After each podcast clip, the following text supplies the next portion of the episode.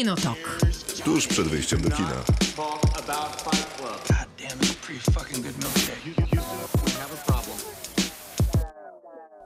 Krzysztof Majewski. Miłosława Boże. Whee! To jest Miłosława Bożek, nasza mm, współprowadząca. Przedstawiamy. Być może nie wszyscy znają. Nie, nie ma za to. Powróciłam. Jest, ma, jest też Maciek, ale ty byłeś tu od zawsze. Maciej Stasierski. Ale Maciek też miał małą przerwę. No, jak raz, nie Maciek. a- Raz go nie było. Ale ciebie to nie było nawet dłużej niż mnie.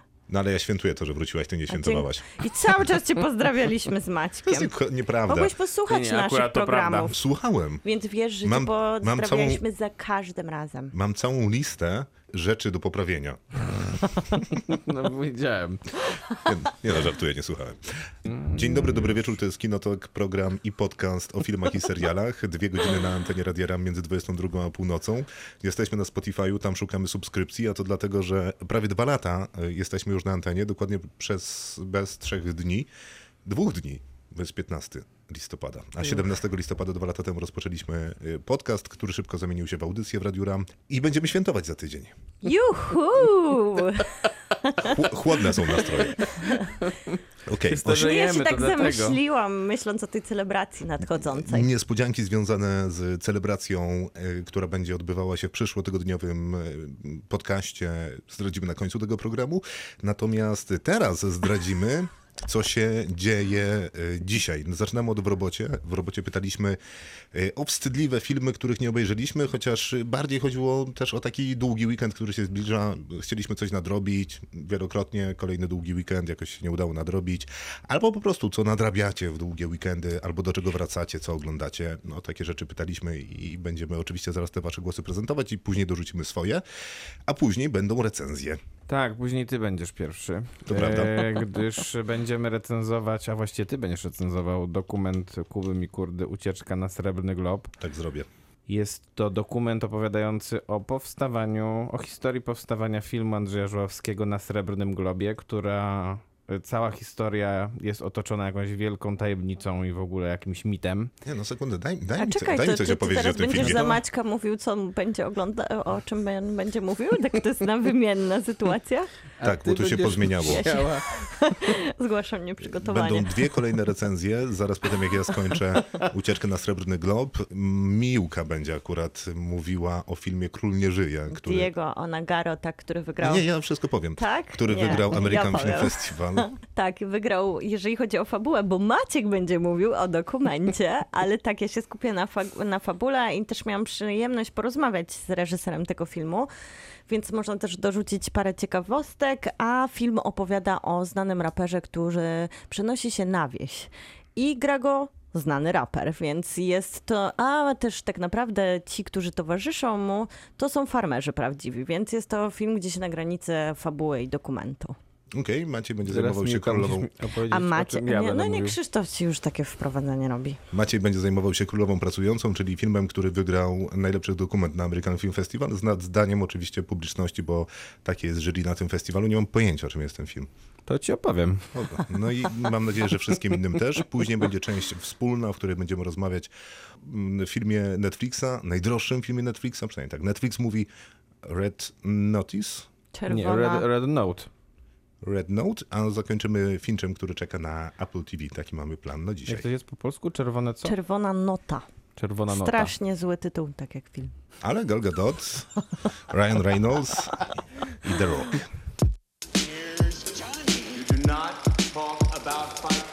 Kinotok. Film.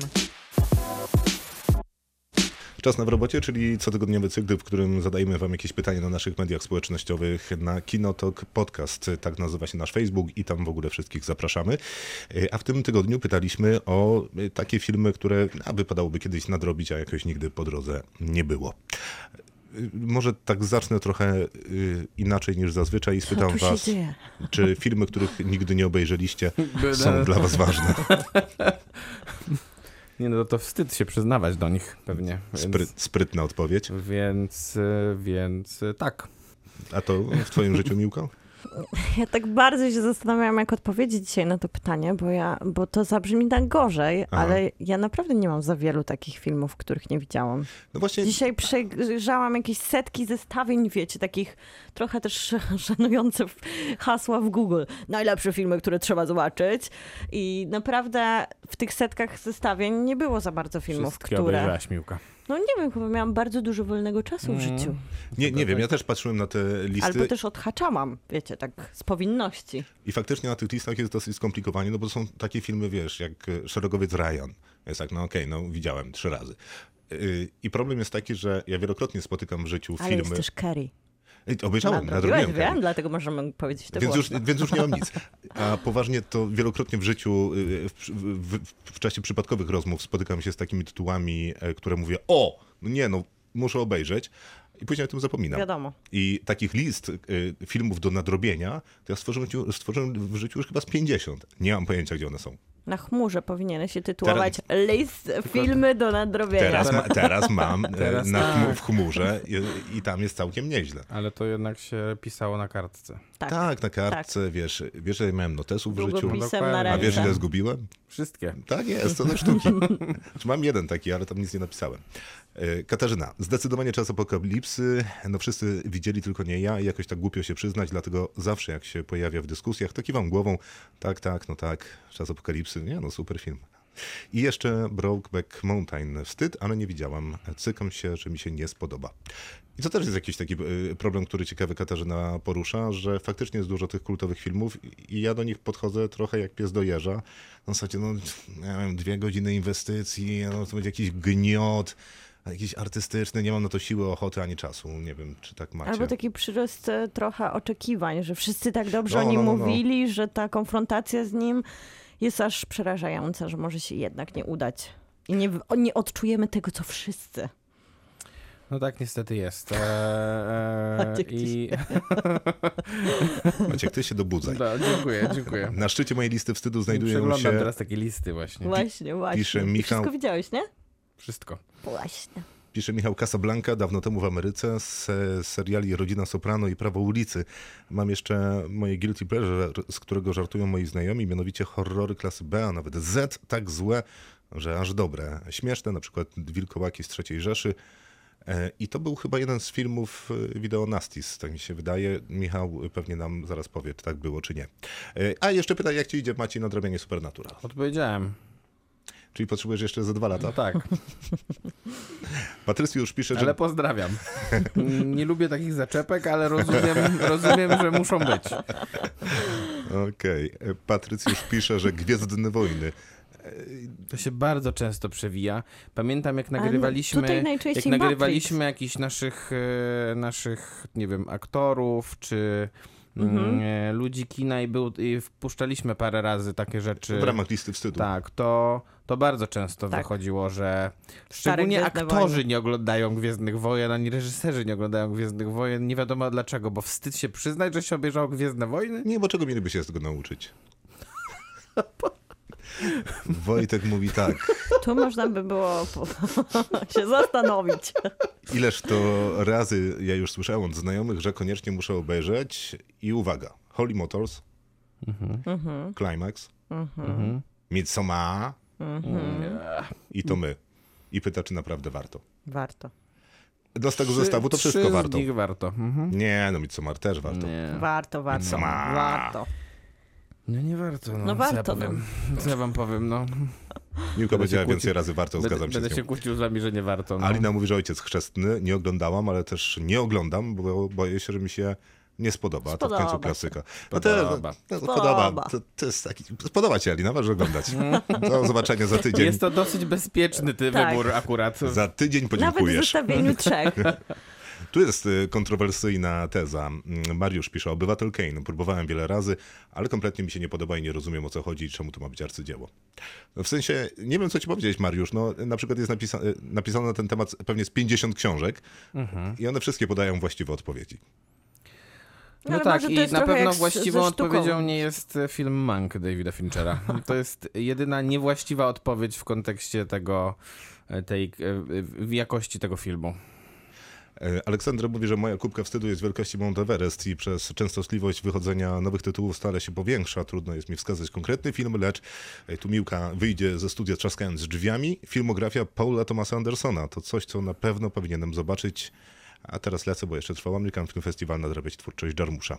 Skandal, co? Skandal. Jeszcze z tą kropką. Nadrabiać twórczość Jarmusza. No tak, ale to... Też nie znam Jarmusza dobrze, Łesa... przyznaję się. Tak? Ty- Maciek, A twój czas będzie nadrabiałeś? zaraz. Co, co? Nadrabiałeś w tym roku na American Film. Festival? Nie obejrzałem, Przyznaję się też, że nie nadrabiałem. Iwo mówi, że nie obejrzałem większości filmów, o których była mowa w tym podcaście, ale wstyd. No i to jest wstyd. To jest naprawdę wstyd. Pisze też coś o Ebbing, Missouri, ale tam pff, Ech, mniejsza z tym. Y, Gabi się... Zawsze te premiery Netflixa to są rzeczy do must do głównie do nadrabiania.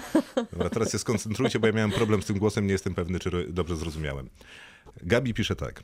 U mnie to działa w drugą stronę. Jestem największą fanką serii Szybkich i Wściekłych i się tego nie wstydzę, bo te dziewięć odcinków to jest To humor. jest druga nasza fanka na a Facebooku. to nie jest ta sama? Nie, bo tamtań się nie nazywa Gabi. A, Ja nie wiem, o czym wy mówicie. O fance Szybkich i Wściekłych, naszej koleżance redakcyjnej. A to Magda. Y, dobra, nie wstydzę się, dziewięć odcinków, humor, dobrze znane gagi, ściganie z samym sobą, super CGI, historia, która inspiruje innych twórców. Czy nowy Bond nie zerżnął poświęcenia dla rodziny od Dominika Toretto? A to jest taki głos, że ja się nie będę tutaj głośno wstydzić, ja pochwalę moją ulubioną serię. To, ale to jest dobry głos. Dobry. Natomiast Prawda. nie, Bond prawdopodobnie nie, nie ściągnął tego y, od Dominika Toretto. Myślę, że już cała ekipa ciśnie bekę, że są częścią tego tasiemca, ta ekipa filmowa. Oczywiście wstydzą się ludzie, przy którym powiem to na głos. U mnie w domu pracy i znajomi. Wprawianie ich w zakłopotanie to jest bardzo zabawna rzecz. Ja traktuję moją wielką fascynację śmiertelnie poważnie. Słusznie. Każdy ma jakieś tam guilty pleasure, które tylko czy to jest Wystarcza Twilight rozrywki. pytania naszego? Miłka, ostatnio ci brakowało, jaki to był cytat, y, co mówi Christian Stewart, bo recenzowaliśmy Jestem taką Spencer. głupią owcą, a ja jestem takim chorym sadomasochistycznym lwem. No właśnie. I ona dotarła do, Oh my god. do takich szczytów, żeby zagrać księżną Dianę. I kropką nad i jest Magdalena, która pisze, mam długą listę filmów do obejrzenia, ale nie posiadam ani grama wstydu i bardzo polecam taką postawę życiową. Brawo. Bardzo zacnie. Brawo. Kinotok. Film. No to czas powspominać ten y, długi weekend i nadrabianie i oglądanie tego, co y, w tym czasie by wypadało. Miłka, ty masz świetną anegdotę, może się podzielisz nią. Jaką mam anegdotę? No, do tą o Norwegii? A, tak. No właśnie, bo tutaj rozmawialiśmy poza anteną. Maciek mnie zaatakował. Nie, bo wstydnie mnie zaatakował. Możesz, Maciek, to zrobić jeszcze raz. zapytałem czy Miłka rzeczywiście obejrzała wszystkie filmy. Tak było. A, I nie robił tego z uśmiechem. Nie, była to wściekłość. I faktycznie ja mam taką historię, że jeździłam do pracy na poziomie liceum i na poziomie studiów i pojechałam kiedyś do Norwegii z wielkim zamiarem bycia bogatą, kiedy powrócę. Ale też... Ja byłem w Londynie w, w, w takich scenach, więc jakby spoko. I też jakoś tak nie powiodła mi się tam ścieżka zawodowa, a ponieważ... Widać, jak, widać, że Krzysztof chyba też nie. W Londynie. How are you? I'm fine, thank you. Ja nie powiem nic po norwesku w komentarzu do tego. Skol. E, No i widzisz, dziękuję Krzysztof. I miałam tam super sytuację, ponieważ miałam już opłacony dom i chłopaki w ramach, z którymi mieszkałam, w ramach jakiegoś takiego towarzyskiego gestu przywieźli bardzo dużo telewizorów, które znaleźli na wystawkach, więc miałam też sprzęty do wyboru i zapisałam się do darmowej biblioteki norweskiej, gdzie można było wypożyczać DVD za darmo, a nie miałam pieniędzy, żeby chodzić do kina, więc a nie miałam też pracy, więc miałam bardzo dużo wolnego czasu, gdzie wszyscy moi współlokatorzy i przyjaciele pracę mieli, więc te dni spędzałam samotnie. I piękna ta biblioteka była. Wszystko było świetnie poukładane tematycznie, od właśnie takich najważniejszych klasyków, przez jakieś już takie wiwisekcje tematyczne, kino włoskie, greckie, najważniejsze nazwiska. I faktycznie te trzy miesiące to była ta, taka przestrzeń do nadrobienia, myślę, że napisania doktoratu z kina. Więc faktycznie tam udało mi się zobaczyć bardzo dużo filmów. No bo to też wynika z tego, co powiedziałeś, że jak się zaczyna oglądać kino, to często już się tak angażuje w to, co się dzieje w nim, że nie ma za bardzo czasu, żeby nadrabiać. Nie? Dlatego na przykład studia fi- filmoznawstwo może tak dużo nie daje, ale na pewno daje spojrzenie No na tak. przeszłość. Tak, Znaczy tak. psuje ci życie na pewno. Ale też wymusza Albo daje oglądanie fałszywe filmów nadzieje. Nie no, w pewnym sensie. Prawdopodobnie większość e, szkół różnego rodzaju, nie tylko studia, wymusza na tobie wiele rzeczy, które później okazują Mhm. się całkiem przydatne. Natomiast y, True.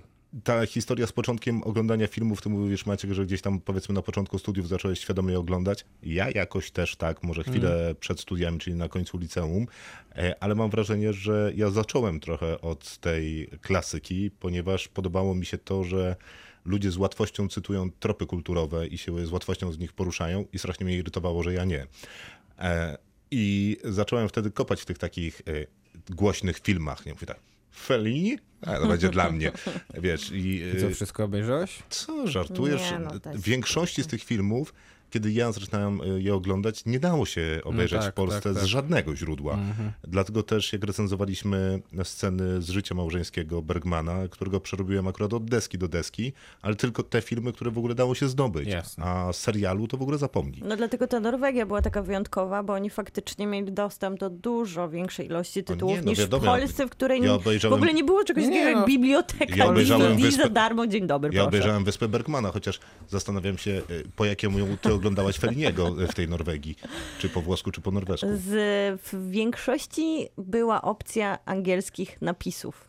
Mm. No to ułatwia To jest sprawę. kulturalny kraj jednak. Bardzo. Oni znają jednak języki. No, e, więc y, trochę tego obejrzałem, natomiast y, nie wiem, mam wrażenie, że ten kanon filmów jest gigantyczny mimo wszystko i Jest, trudno go jest. ogarnąć i w zasadzie to... To jest i europejski kanon filmów, tak? I jest azjatycki prawdopodobnie, chociaż on powstaje jakby od pewnie. Akiry Kurosawy i Kazuhiro Ozu, a później nagle pojawiają się, pojawiają się takie rzeczy, nie wiem, jak Wong Kar Wai yy, i tak dalej, i tak dalej. I Kim tych filmów też jest jest? miliony, tak?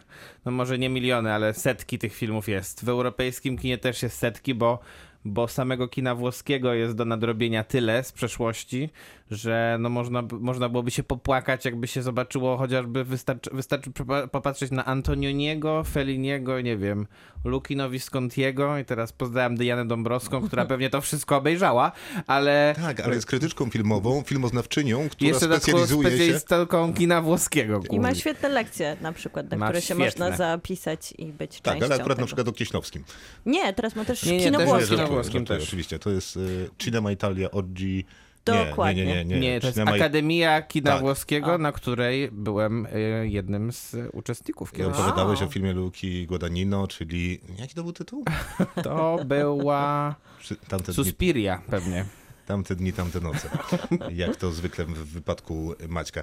I oczywiście masz rację z tymi wszystkimi kanonami. Wiesz, ja w międzyczasie udało mi się odkryć twórców, którzy są uważani za ikonicznych, y, o których nigdy nie słyszałem. I to nie, żeby to było, wiesz, 10 lat temu, 5, y, tylko na przykład w, zeszłym, w zeszłym roku No. albo wczoraj. Trochę też mi się wydaje, że mamy problem teraz z przegląda przeglądarkami, jeżeli chodzi o platformę, bo tam jest jakaś powtarzalność i taki jakiś, taka pułapka, w którą wpadamy przez te algorytmy, które działają.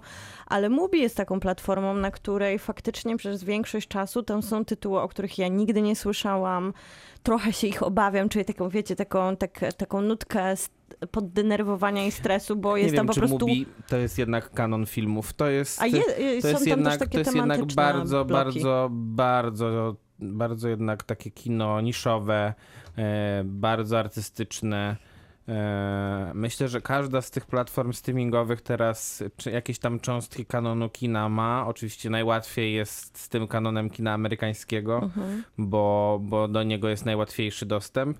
Chociaż z drugiej strony pewnie filmów z lat 50. i 40. czy 60.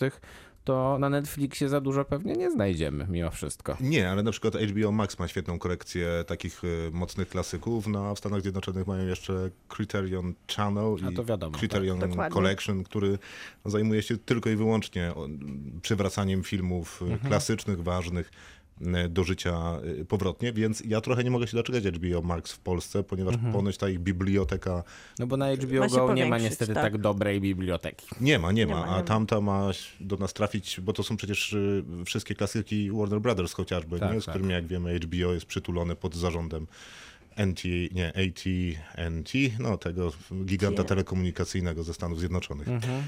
Y, więc ja przez długi weekend obejrzałem Gladiatora. Ale to po nie raz, jest twój po film. raz osiemnasty? Nie, jak w każdy długi weekend. A, A. rozumiem. Znaczy, To akurat nie w święta, dedykacje Nie, masz no swoje. akurat, akurat nie w ten, ale jak jest długi weekend albo coś dłuższego, wolnego i minie tak od 6 do 8 miesięcy, to Gladiator jest dobrym pomysłem. No, Masz to- taki ale film? to nie jest twój film do nadrabiania. Nie, to jest e, do powtarzania. Bo, bo mnie trochę o to chodziło w tym y, w robocie, Mhm. że to są filmy, do których jak jest czas, to y, warto by było się do nich wrócić. Mi się wydaje, Mhm. że zawsze do Gladiatora warto wrócić. A do nadrabiania to, to no, no, pewnie jest tego sporo. Ja myślę, że e, dla mnie to jest na pewno pół żartem, pół serio. Czyli klasyczna komedia Billego Wildera. Ja generalnie z takimi klasykami właśnie jak ten film, to ogólnie mm, to jest chyba moje takie, mój taki wstyd, ale może jednocześnie wyzwa- wyznanie, że bardzo dużo takich filmów ym, i tutaj muszę podziękować dyrektorce festiwalu American Film Festival Uli Śniegowskiej, obejrzałem i nadrobiłem dzięki temu festiwalowi, bo em, miałem e, takie przeświadczenie, że niektórych z tych filmów nie chce się oglądać na małym ekranie albo na ekranie telewizora, więc e, przynajmniej część amerykańskiej klasyki obejrzałem na dużym ekranie we Wrocławiu w kinie Nowy Horyzont. Tak było właśnie między innymi z Wilderem. Tak było między innymi z Egzorcystą Williama Friedkina. Tak było z Odyseją Kosmiczną Stanleya Kubricka, czy na przykład y, dwa lata temu dosłownie z czasem apokalipsy Francisa Forda Coppoli. Ja tych filmów Naprawdę? nigdy... Dwa ja ty- lata temu? Tak. Nie. Ja tych filmów nigdy nie widziałem e, e, i obejrzałem je na dużym ekranie i one zrobiły, myślę, że podwójne wrażenie jeszcze. Bo, bo, bo na dobrym, dużym ekranie e, po prostu te filmy robią wrażenie miałam na tak pewno większe. Z czasem apokalipsy właśnie, że widziałam go sama na telewizorze i później, kiedy była pierwsza okazja, żeby go zobaczyć jeszcze w tej wersji poszerzonej, reżyserskiej na dużym ekranie, to było, wiecie, jak taka że miało się ochotę płakać, że w końcu się to, te filmy, które się tak pielęgnowało w sobie jako doświadczenie filmowe, można przenieść Mhm. na A duży jakim, a ekran. jakim filmie mówimy? Czas apokalipsy. Ha, no to można płakać z wielu innych powodów też. Można. Na przykład z y, tego, jak dobry jest to film. No właśnie dlatego łzy Y, się roni. Pamiętam, że y, duża sieć księgarni Mhm. miała kiedyś taki, taką reklamówkę, która była puszczana między innymi na festiwalach filmowych, że mm, para, chłopak i dziewczyna, jakby prowadzą dialog, Tak, tak. że coś tam zrobimy z Coś czymś tam, tam. y, p- tam, gdzie rosną poziomki. Tak, Dokładnie. dokładnie. I tam jest między innymi piknik pod wiszącą skałą. Jest. I rzekomo ten australijski dramat filmowy sprzed 50 niemalże lat to jest klasyka klasyki. Zresztą pojawia się w tej reklamie nie przez przypadek, bo tam samą klasyką klasyki się policzkują ten chłopak Tak, i dziewczyna. I to jest film, o którym ja szczerze mówiąc nie miałem zielonego pojęcia, dopóki nie usłyszałem tej reklamy. To było już chyba, ja nie wiem, to ładnych parę lat temu. I to jest film, którego do dzisiaj nie obejrzałem. I ja również nie. A ja go obejrzałam I szczerze- jako dzieciak i po prostu tak się bałam tego filmu. Później nawet został ostatnio ten serial stworzony na podstawie tego filmu. W ogóle dużo było takich e, dziwacznych, nieudanych powrotów do tego tropu, ale to była jakaś taka siła tamtych filmowych horrorów i opowieści, że tak naprawdę niewiele się wydarzyło, ale historia była prawdziwa i faktycznie ta skała wywoływała jakieś zmiany i to było bardzo takie, też jakby z perspektywy czasu ten język filmowy wtedy inaczej działał. Nie wiem, czy to by się sprawdziło po latach, że wiecie, skała oddziaływuje na te młode dziewice i coś się z nimi dzieje. Czy to mogło się tylko sprawdzić, jak się jest dzieckiem, albo właśnie wiele, wiele lat temu. No nie, no podejrzewam, że film stał się kultowy z jakichś powodów. Tym, tymi powodami może być to, że w 75 roku wysłanie elitarnych uczennic z elitarnej szkoły gdzieś tam z nauczycielką na wycieczkę na wiszącą skałę, która sprawia, że wiesz, przynosi je w kosmos, czy gdziekolwiek indziej i tam e, zgubi się w domysłach. E, To mogło być rewolucyjne, no wtedy. Teraz może nie robić jakiegoś niewiary- niewiarygodnego wrażenia, ale to jest film, który chciałbym obejrzeć, bo jest też parę takich klasyków, które patrzę, nie, eee, Ja tak na mam przykład? chyba, ja Nie- tak mam z narodzinami narodu. Nigdy nie widziałam i zupełnie nie mam jakiejś takiej wewnętrznej potrzeby, żeby sensie ten nadrobić. film z 20 lat? Tak. No ale jest to klasyka klasyki, wiesz. Mamy coś jeszcze, czy, żeby wrócić za moment, czy Je- kończymy? Ja bym tylko dodała, że ja mam tak z Breaking Bad, że to jest wstyd, bo głównie się zajmuję serialami i jednak to jest jeden z takich ważniejszych seriali Tylko obok, ostatnich obok dekad. wszystkich filmów obejrzała też wszystkie seriale. Tak, ja oglądam Poza bardzo, bardzo Dokładnie. dużo seriali i to też oglądam bardzo, bardzo dużo złych seriali, więc powinnam mieć przestrzeń w sercu i Na czas dobre. na te dobra. I on mnie pokonuje za każdym razem na pierwszym sezonie, podcina mi skrzydła i nie pozwala mi się, nie pozwala mi się nadrobić. Znaczy to prawda, ja też nie skończyłem Breaking Bad oglądać. E, Ja nigdy nawet nie zacząłem. Najdalej zabrnąłem do połowy piątego sezonu i naprawdę, nie no to wow, naprawdę no to myślałem, że skończę. A bo I, jest- a bo to była, trzecia, to była trzecia Bo próba ma sześć, tak? i Czy nadal siedem? nic. Chyba siedem. Kinotok. Film. No to czas y, uciekać na księżyc. Y, Kuba Mikurda reżyseruje, Kuba Mikurda napisał scenariusz, film dokumentalny, półtorej godziny, niby niewiele, y, ale cała historia o filmie jest szalenie interesująca, bo to przede wszystkim jest opowieść nie o samym filmie na Srebrny Glob, tylko w zasadzie o Andrzeju Żuławskim w takiej opozycji do systemu i to powiedzmy jest początek tego filmu. A jak już dochodzimy do tak mniej więcej połowy, to zaczyna się robić nieco bardziej interesująco. No ale zacznijmy od samego początku.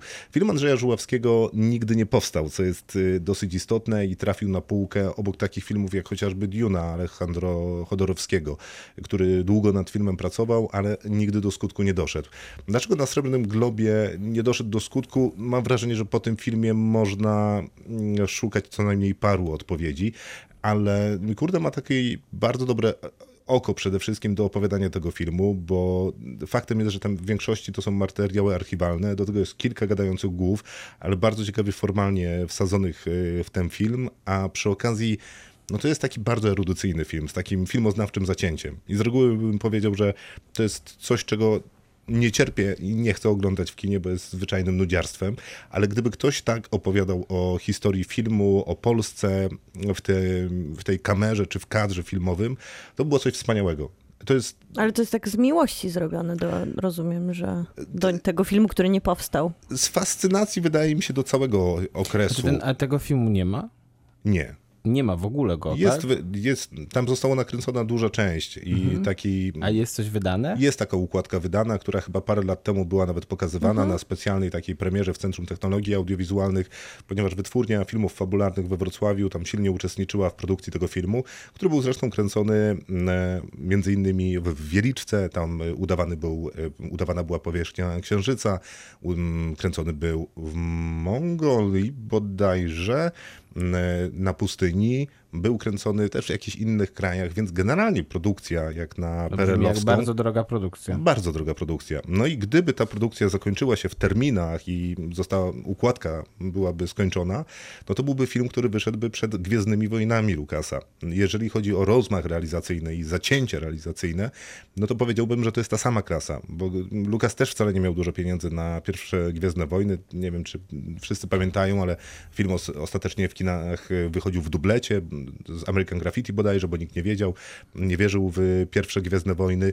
E, W ten film też najwyraźniej nikt nie wierzył, natomiast z różnych powodów. Żuławski na pewno w niego wierzył i tu wydaje mi się jest ten najciekawszy element filmu, w który mi kurda układa, bo on najpierw opowiada o tym, że Żuławski był takim sam przybyszem z kosmosu, no bo skończył studia we Francji, przyjechał do Polski, uważał Andrzeja Wajdę za absolutnego boga, e, bardzo szybko był jego asystentem na planie, ubierał się tak jak on, nosił taką samą kurtkę, taką samą fryzurę, a przy okazji był, jak mówią różni twórcy z tamtego okresu, jako gadający głowy w tym filmie, szalenie przystojny, y, szalenie taki rzutki mm, i, bardzo magnetyczny, przyciągał do siebie ludzi. Y, I to sprawiało, że miał też taką łatwość trochę, mimo że był takim kolorowym ptakiem wśród kolorowych ptaków, trochę ludzi irytował tym. Ale okazał się zdolny, zrobił y, pierwsze filmy pod nadzorem Andrzeja Wajdy, później zrobił kolejny, zrobił Diabła i Diabeł go trochę zabił, bo dostał taką e, propozycję nie do odrzucenia, czyli zapraszamy do wyjazdu z kraju, no bo to jest skandal, kto dał na to pieniądze, wynocha. No i on wyjechał wtedy do Francji, zostawiając tu swoją żonę i swoje dziecko. I tam zrobił swój największy film, który szybko partii się spodobał i powiedział, że a to w sumie wracaj i zrób coś dla nas. I wtedy zaczęło się, zaczęły się prace nad filmem na Srebrnym Globie. I to jest, to jest ciekawe i po raz piąty powiem, że to jest to najciekawsze, co mi kurda robi, czyli opowiada o takim reżyserze totalnym, o reżyserze artyście, e, demiurgu, e, reżyserze, wiesz, który zmusza ludzi do przekraczania siebie, czyli do takiego twórcy, o których w Polsce dyskutowaliśmy całkiem niedawno. W ogóle dyskutujemy o takich twórcach, którzy w zasadzie posuwają się do przemocy psychicznej, żeby z ludzi wycisnąć to prawdziwe e, aktorstwo. I do tego przyznawali się w zasadzie wszyscy, którzy do dzisiaj żyją, a którzy byli na planie i pojawiają się w filmie, że miesiąc spędzony w, w, w W towarzystwie.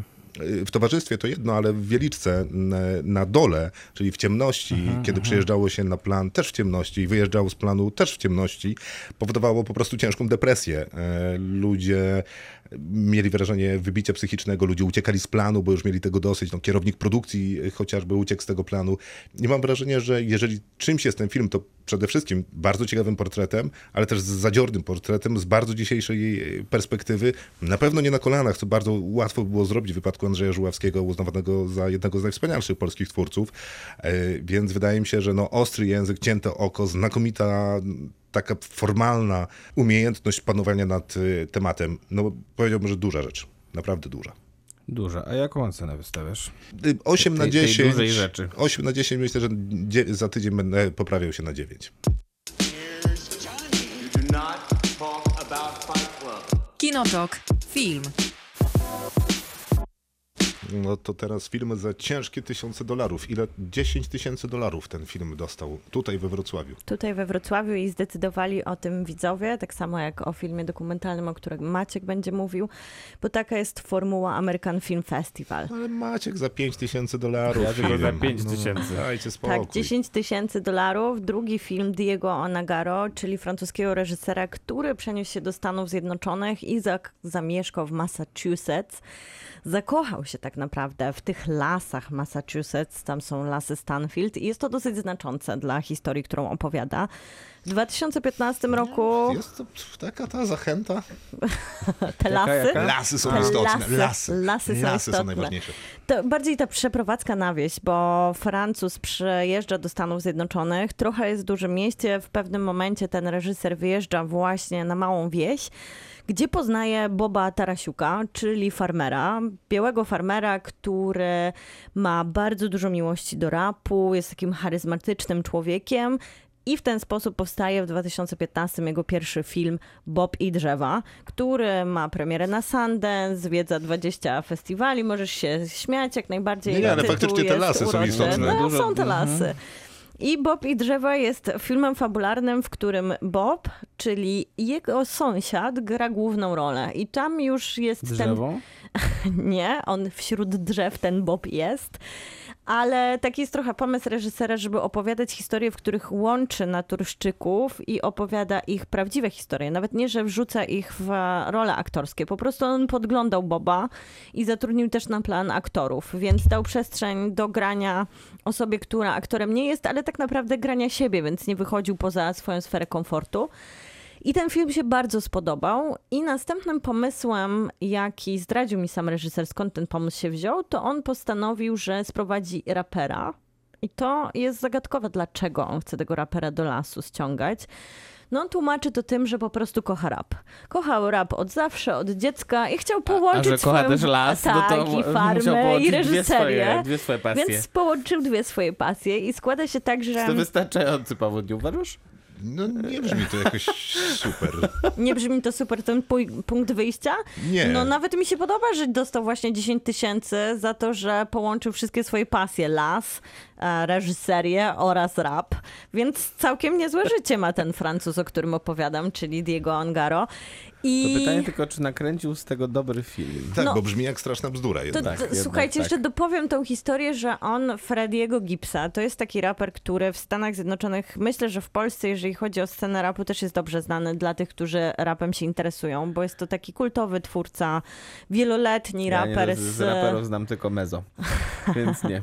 albo Matę może teraz. No nie, też nie, to, to, to, I, tym bardziej nie. I historia jest taka, że mm, złapała Diego Nagaro pandemia i pomyślał sobie, że wszyscy są wtedy zamknięci w domach i zwykle tacy raperzy jak. Freddie Gibbs Słucham. nie mają nogi. czasu, żeby... Złapała go pandemia za nogi. Kogo? Reżysera czy Tak. Frediego Gibsa? Nie wiem jeszcze kogo, zaraz się dowiemy. No to i skończyło się tak, że faktycznie miał rację, że Freddie Gibbs nie mógł koncertować, siedział w domu i zgodził się na to, żeby pojechać do tych lasów, co było też kwestią nie tylko niezłego kontekstu drugiego filmu w tej samej przestrzeni, jak tego, że pandemia pozwoliła im nakręcić ten film, bo mogli wszyscy być w tym czasie po prostu razem izolować się. Nie, no ja przepraszam, ale to brzmi jak jeden z tysiąca tych filmów czy tam seriali, które powstał w czasie pandemii, gdzie Chciałem twórcy... tylko powiedzieć, że w jednym, że w Polsce nie mogliby tego nakręcić, bo był taki okres dwutygodniowy, kiedy lasy były zamknięte. Prawda. Mieliby mniej czasu po prostu.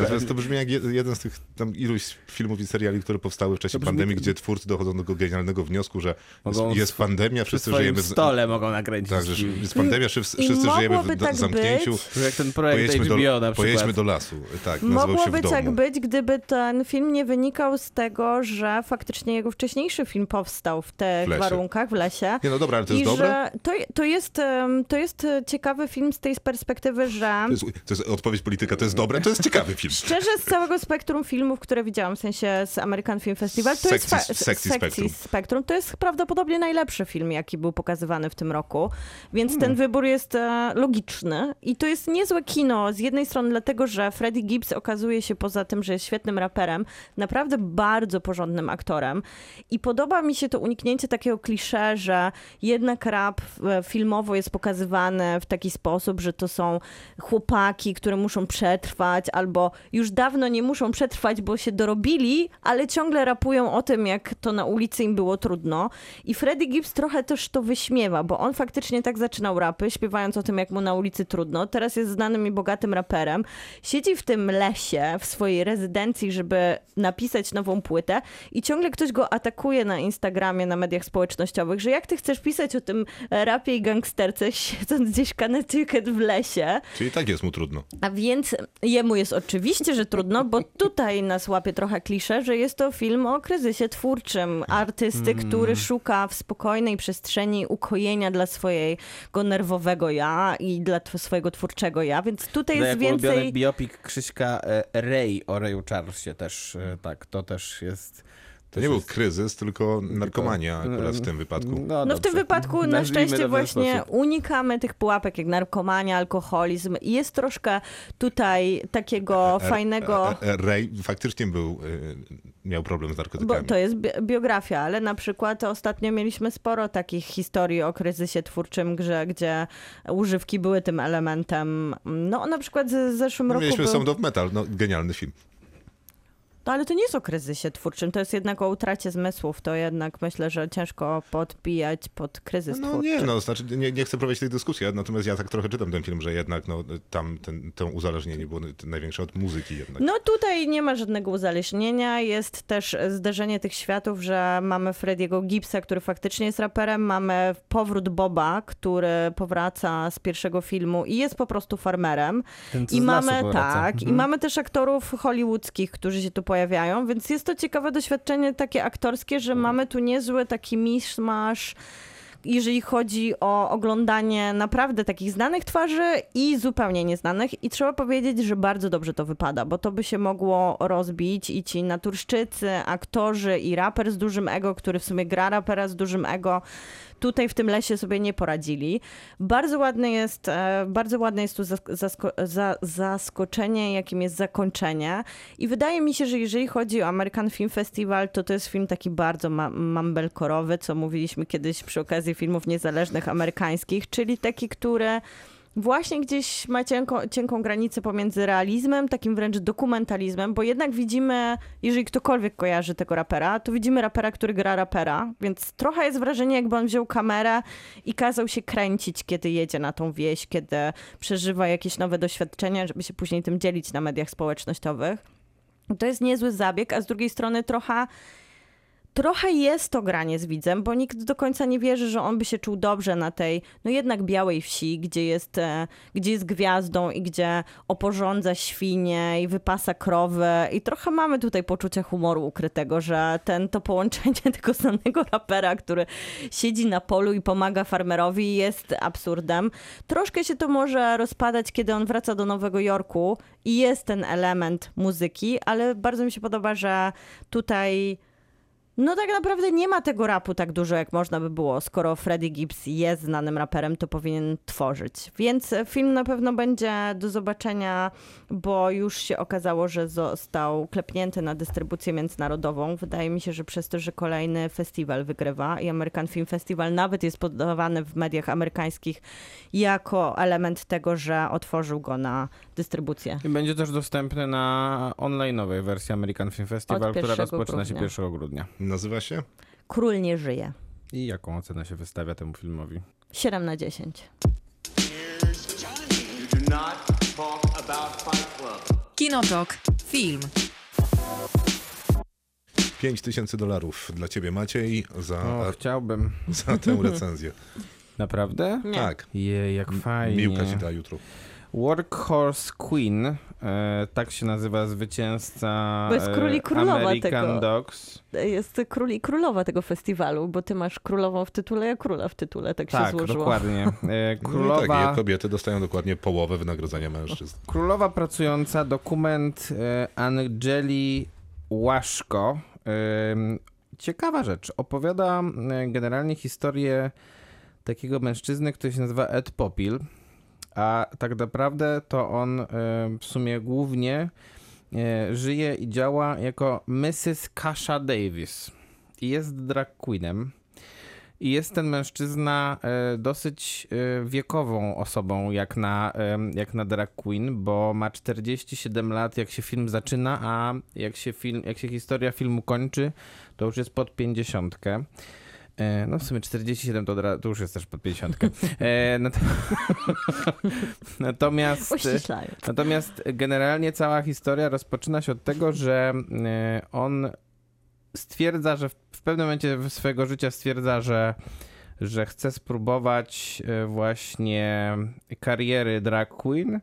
Ale No i- wcześniej był A wcześniej był e, telemarket, e, menadżerem e, telemarketingu w jakiejś firmie, w jakiejś podmiejskiej firmie, I spółce. to jest, rzuca stare życie i wchodzi Tak. w zupełnie nową rolę. No i jak każda, jak każda szanująca się drag queen amerykańska musi spróbować się dostać do RuPaul Drag Race. Mhm.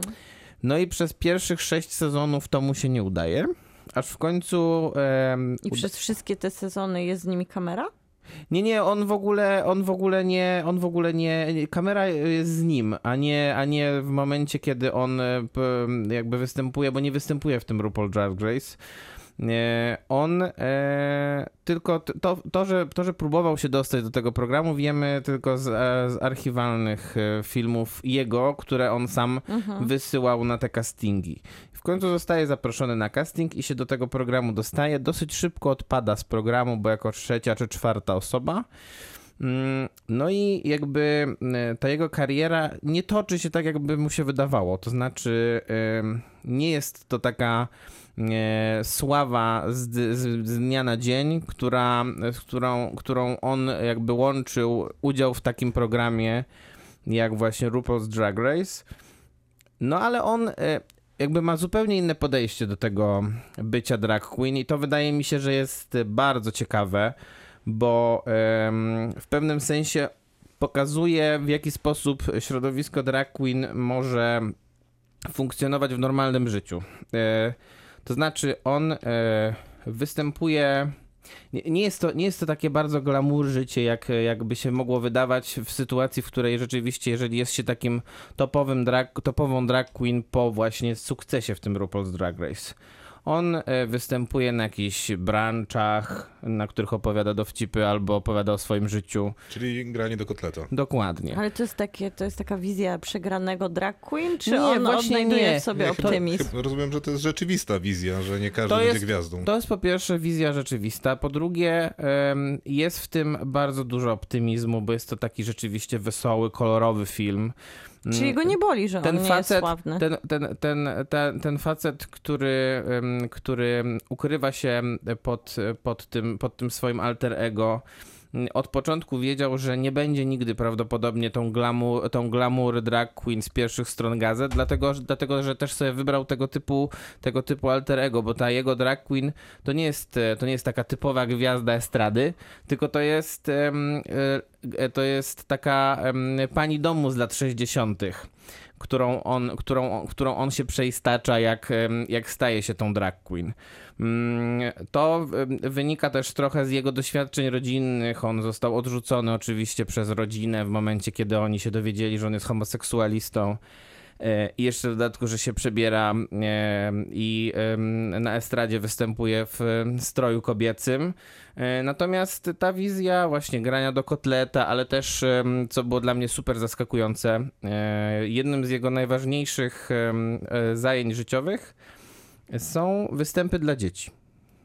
I to myślę, że szczególnie w określonej rzeczywistości naszego kraju byłoby trudne do wyobrażenia sobie, żeby dzieciom, e, na przykład w takim wieku, jak tutaj e, jest pokazane w tym filmie, czyli dzieciom myślę, że w wieku przedszkolno-szkolnym, początku, początku szkoły, końcówki przedszkola, żeby jakieś lekcje, czy jakieś, nie wiem, tańce, czy jakieś zabawy organizowała drag queen. E, a tutaj tak jest i, i rodzice to akceptują i rzeczywiście jest to bardzo popularne e, wśród e, zarówno tej społeczności jakby lokalnej, tego człowieka, jak i jak i wśród tych dzieci, które po prostu lgną do niego, nie, do jakiego, nie jak do, i nie, nie stanowią żadnego zagrożenia, bo jest po prostu, bo jest po prostu performerem. E, I to, I to całkiem wydaje mi się sprawnym, bo rzeczywiście te żarty, które, które oparte są głównie na jego życiu i są takie bardzo, bardzo osobiście też e, formułowane, e, są, są po prostu rozczulające i ciekawe. Są tutaj takie dwie sceny, które, które wzruszyły mnie nawet, bo e, jedna dotyczy jego relacji z ojcem, która oczywiście była dosyć trudna, z, jakby pewnie z samego założenia tej, tej, em, tej sytuacji. Natomiast ojciec w pewnym momencie, e, po stracie matki i żony swojej, e, postanowił się z synem pojednać. No i e, po jednym z jego występów rzeczywiście, na jeden z jego występów po prostu poszedł. To był pierwszy jakby krok ojca, który, który postanowił zobaczyć, jak to w ogóle wygląda i, e, i taki występ zobaczył. I powiedział jego synowi, że to było po prostu piękne i, i to było dla, dla niego samego taki, taki kamień, mil, taki krok, em, jak to się mówi? Y, Stu mil, nie, kamień milowy, tak? milowy, w, jego, w, jego, w jego karierze i w jego, w jego podejściu do bycia drag queen. A drugi taki moment, który mnie bardzo rozczulił, to był, to był wywiad z panią, która mm, specjalnie przyjechała na jego występ i to podczas takiego właśnie brunchu. E, pani, która mm, przyjechała na ten występ do, do stanu Nowy Jork z daleka e, po swojej diagnozie raka piersi i bo chciała poznać to całe środowisko, które się, które powstało wokół tego, tej Kaszy Davis.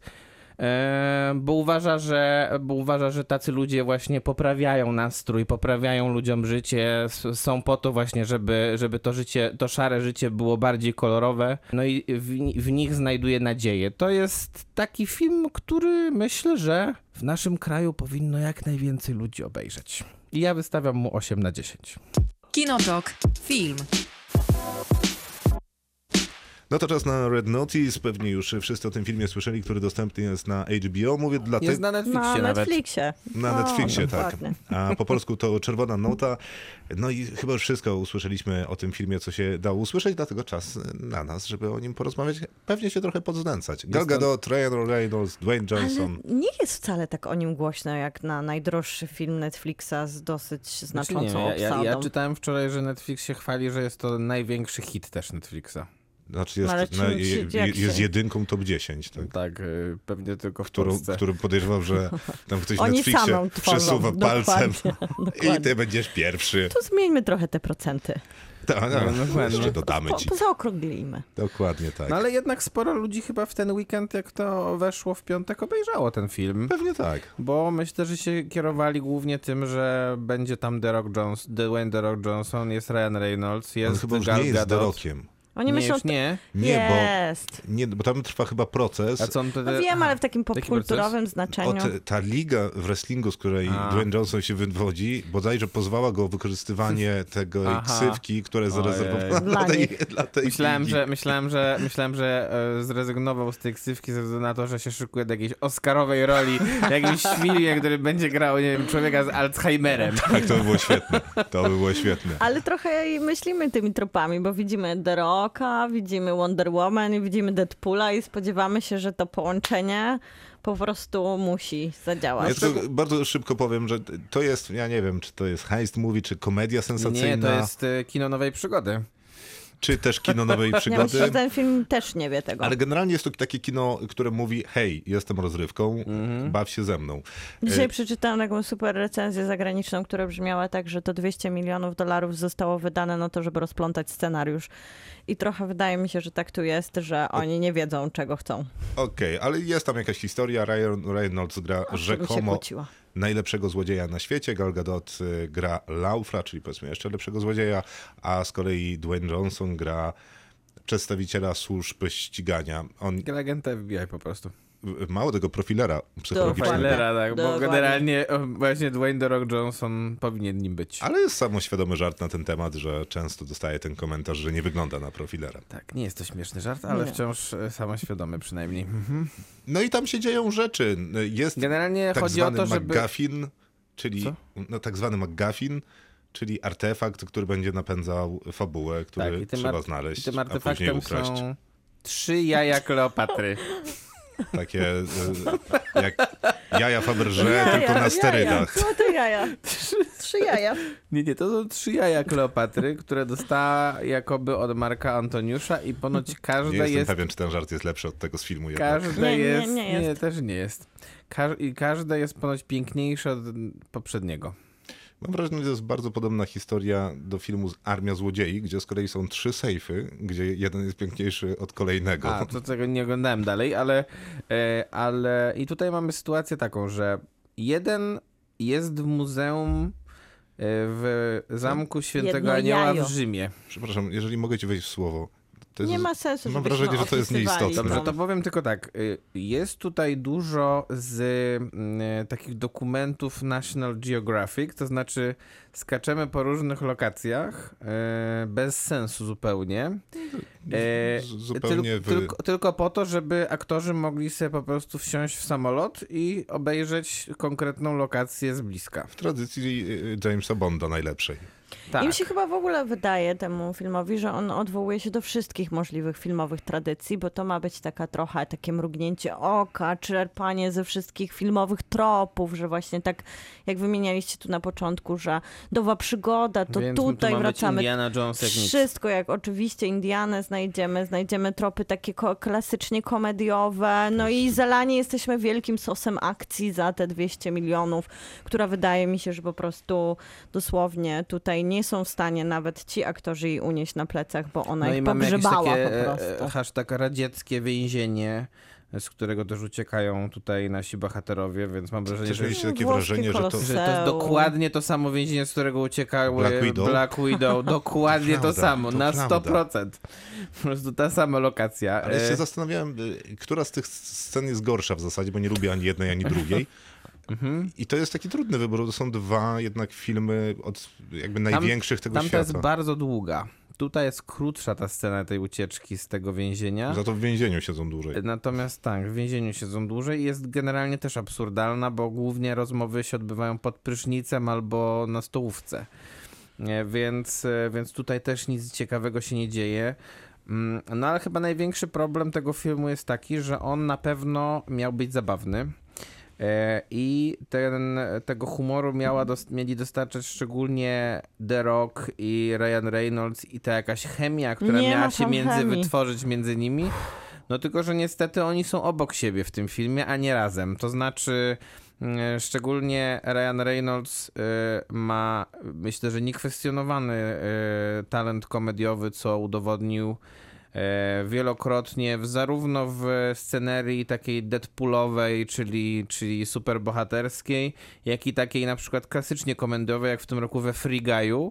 E, A tutaj e, jego talent jest zmarnowany, komediowy. Czy ja wiem, no przecież on opowiada żarty cały czas. W ogóle nie masz, nie macie takiego... Słabe, tak i bez timingu Bez zupełnie. charyzmy Ale to też. wydaje mi się, że trochę jest timingu, ale nie macie takiego wrażenia, że oni generalnie grają siebie, że ten Tak, Ryan, tak. Ryan Reynolds to jest po prostu jakiś z- zbiór tego wszystkiego, co wiemy o Ryanie Reynoldsie i tego, jak A on się zachowuje. jest tym, Ale Gal Gadot też ma ten sam tak. problem. Znaczy w Ryan sensie. żartuje, Dwayne ma y, tą Ma- szczerą twarz mięśniaka, a Gal Gadot w zasadzie tak, gra dokładnie wygląda. tę samą rolę, co w Wonder Woman, Mhm. jak nie ma kostiumu Wonder Woman na sobie, jakoś reżyserzy ubierają ją zawsze w świetne kiecki. No tak, to Tak prawda. to wygląda. Jeszcze jest problem, że z jednej strony właśnie oglądamy aktorów, a nie postacie. Film jest niezainteresowany budowaniem tego świata w ogóle i nie jest zainteresowany też budowaniem takiej stawki, która gdzieś powinna być w filmie akcji, tak? Że jest jakaś rywalizacja, jest jakieś zadanie do zdobycia. Ja jestem niezainteresowana dosłownie niczym, ani bohaterami, ani światem, którym Ej, oni ja są wrzuceni. Ani jaja nie są dla mnie faktycznie tym wielkim artefaktem, który jest niezbędny do zdobycia. Ogólnie nic tutaj nie ma interesującego, tylko przytłuczenie Tak, możliwych tropów, które w pewnym momencie jakby są na tyle już nawet nie interesujące, jak irytujące, bo jesteśmy No właśnie, przeładowani. to jest problem, bo generalnie e, e, jakby nie miałbym wielkich pretensji do tego filmu, może takich, gdyby, gdyby on był dosyć lekki. A przez to, że e, ta lekkość jest tak nam serwowana łopatą, to bardziej jest on jednak przyciężkawy pod, e, pod jarzmem e, tego takiego starania się twórców, żeby rzeczywiście był lekki. I przez to on jest, jest zupełnie nielekki. To prawda, że jest mocno niezręczny Mhm. jednak, bo jednak ten Ryan Reynolds jest taki trochę przekręcony na 130%, być może przez to Tak. ten timing trochę nie działa. Dwayne Johnson, ja mam wrażenie, że to jest taka sama rola Dwayna Johnsona jak tysiąc innych. W sensie, że Ale to ani, po- powinno ani zadziałać. rewelacja, ani tragedia. Wydaje mi się, że akurat Dwayne Johnson działa całkiem przyzwoicie. No bo on Się najmniej, jakby się stara. stara najmniej. On, naj, on, on, on, zawsze ma takie wrażenie. Sobie tam idzie, Jestem sobie jest. Dwaynem no Johnsonem. bo on najmniej też się uśmiecha do tej I kamery. najmniej I najmniej żartuje. robi, I najmniej musi robić tych właśnie jakichś takich e, On tylko umizgów na do kamery. Tyl- Po prostu on jest. I Ale tyle. Gal Gadot w zasadzie ma tego Nie ma nic do roboty. Nic. No, Zupełnie nic do Chodzi po roboty. tym ekranie, no, oczywiście wygląda zjawiskowo, bo jest Gal Gadot. Jakby tyle. Y, To, o czym mówisz, to, to mnie się wydaje jakiś taki klucz interpretacyjny tego filmu, że to jest rozrywka y, i mogłaby być po prostu lżejsza, a nie jest. A nad fabułą to bym się nie znęcał, no bo jest taka typowa, na, nie ma jej, no. typowo napędzana McGuffinem fabuła. No jest jakiś tam artefakt, przedmiot, save, skarbiec, whatever. Tylko I zawsze- trzeba coś z nim zrobić. Tylko, Ale tylko tylko ile być. razy to już oglądaliśmy i zawsze było No lepiej. właśnie. Praktycznie zawsze było lepiej. Dokładnie. Nawet, nawet w mniej, nawet, wiem. nawet nie takich dobrych filmach, jak nie wiem, Skarb Narodów, to Tomb też Raider. było lepiej. To też było lepiej, po prostu. Ja nie uważam Skar- Skarbu Narodów za zły film. No dobra, będziemy oceniać. E, Trzy. Dwa. Pięć. Kinotok. Film. Na koniec recenzja filmu Finch, który pojawił się na Apple TV. Przypominamy, że jest taki streaming e, dostępny w Polsce. Nie za wiele jest tam produkcji, ale jednak A trochę tego nie jest. są złe nawet. Nie jest Ted nawet... Lasso, który Ted zachwycił Lasso. Stany Zjednoczone. Tak, fundacja Morning się Show, dzieje. Tak. Morning Show, fundacja się kończy Tak, za, zaraz. Za, ty- w ten piątek. Tak, więc trochę tam jest produkcji wartych polecenia. Fundację pewnie zrecenzujemy. Finch miał tak naprawdę trafić do kina i to są smutne konsekwencje Zresztą pandemii. e, e, poprzedni film e, z Tomem Hanksem, Greyhound, też był na Apple TV Tak, tak. prawda, to a też prawda. miał trafić do kina, tylko że trafił na Apple TV w środku pandemii. dokładnie. A to Tutaj bardzo jeszcze- kinowy film, bo jakże tam głośno strzelają te działa. Dokładnie. Bardzo mi się nie podobał. Tak, Bardzo. pamiętam.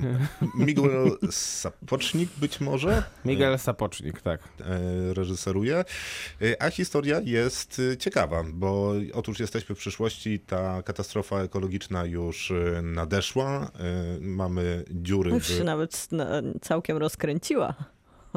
W sensie, że tak już jest chyba dosyć długo trwa ta katastrofa. W sensie, że no, to przesilenie nastąpiło no, i ziemia jest trudna do zamieszkania, no, jakieś tam 60 stopni temperatura, która czasami rośnie jeszcze więcej, do tego Ciśnienie bardzo wysokie i tak które dalej. się waha, co powoduje jakieś poważne trąby powietrzne, burze piaskowe i najróżniejsze tego rodzaju sytuacje. Generalnie y, ludzkość w większości nie żyje i inne istoty takie żyjące też. O roślinność trudno.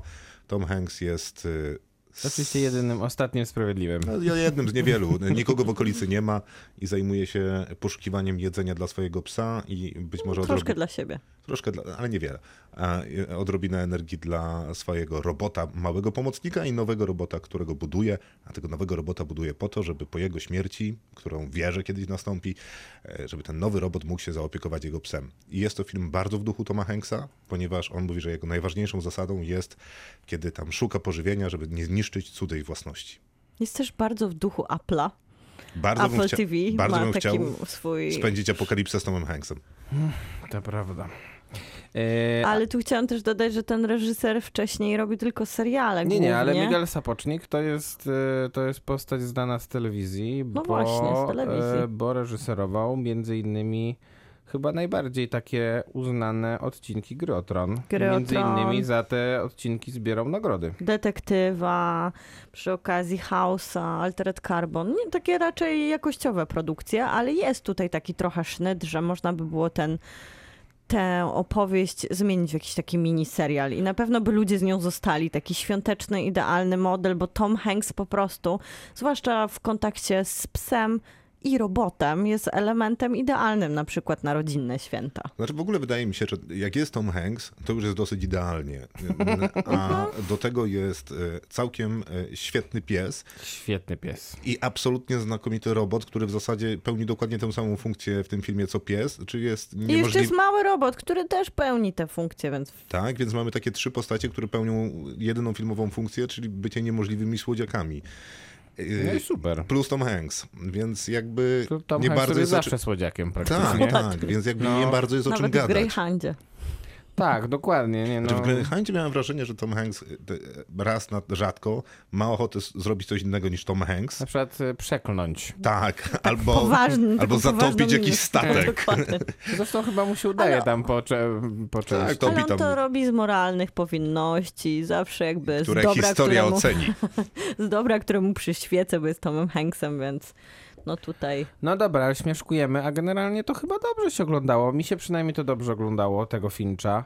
To jest, to jest taki film, który mi y, dosyć mocno przypominał vibem, e, czyli atmosferą, ten serial, który recenzowaliśmy jeszcze w tym roku, czyli Sweet Tooth, e, e, jak to się było po polsku? Słodziak, tak? ła- łasuch. Łasuch, e, ten serial, który był, dos, który jest dostępny na Netflixie i tam czeka trochę na, e, na, na drugi sezon. Tylko oczywiście e, w tym serialu było dużo więcej bohaterów, ale też by, byli, jesteśmy, jesteśmy w okresie takiej Katastrofalnej apo- apokalipsy. apokalipsy pandemii. Tutaj mamy oczywiście tylko jednego bohatera.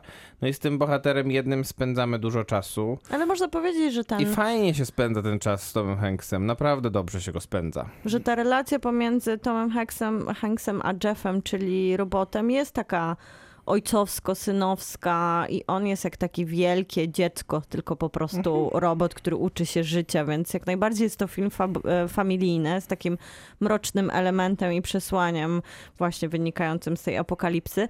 Mi trochę brakowało jakby niepociągnięcia tych elementów albo może zdecydowania, że one się tam znajdują, tych takich momentów, w których Tom Hanks jest bardzo poważny i zaczyna wykładać świat, ale dosyć szybko się z niego wycofuje i wracamy do tego wygodnej sytuacji, w której jest słodko i uroczo, bo jest robot i jest No pies. nie, ale Wydaje są mi się, że jednak... to jest duża zasługa właśnie tego Miguela Sapocznika, który jako spec od serialu i takiego dobrego pacingu serialowego, biorąc pod uwagę te seriale, Mhm. które zrobił, no to wydaje mi się, że ten film jest naprawdę idealnie wyważony, jeżeli chodzi o te poważne nuty, kiedy rozmawiamy na poważnie o świecie, wspominamy historię, Tak, tak, jak tak. doprowadziliśmy do katastrofy i dlaczego Tom Hanks jest jaki jest. E, No a No to fa- odbicie w tej w tym cieple y, otoczenia robotyczno-psowo-Hanksowego, no, wydaje mi się, że te dawki są idealne. No i dobrze, że też są tutaj te wstawki takie związane z jakimś tam elementem zagrożenia, które, które troszeczkę napędzają te akcje raz na jakiś czas, bo to nie jest krótki film. To jest film, który trwa prawie dwie godziny równo. I e, gdyby, gdyby to był film, który jest który, gdyby to był film bardzo powolny, to pewnie byłoby to mocno odczuwalne, dzięki temu właśnie, że raz tutaj mamy jakąś burzę, raz tutaj mamy tornado, raz ktoś tam ich goni, to, to, też, to też wzmacnia się ta energia tej, tej fabuły. Ja No ale się- główna zaleta jest jednak taka, że pomiędzy Tomem Hanksem a mm, tym robotem, który w, na początku nie mówi, a potem zaczyna mówić i to zaczyna mówić już bardzo składnie i niemalże chyba no, myślę, że nawiązuje się relacja emocjonalna między tymi bohaterami. Mm, e, No jest bardzo dużo chemii, to ty, tyle chemii to by chcieli, żeby było między nimi Ryan Reynolds, e, No ja bym e, chciała, The Rock i Gal Gadot. Oni mieli tyle chemii, co między Tomem Hanksem a psami by A, wystarczyło. tak, na pewno. Albo Ale pies między robotem. Dokładnie, ale tutaj ja bym tylko odpowiedziała na to, że co powiedziałeś, że faktycznie to jest dobrze zbilansowane i to w ogóle ten film jest bardzo sprawnie zrobiony, tylko mi brakuje jednak tej refleksji. Ja bym chciała jej więcej. W sensie wydaje mi się, że Na mógłby jaki, być?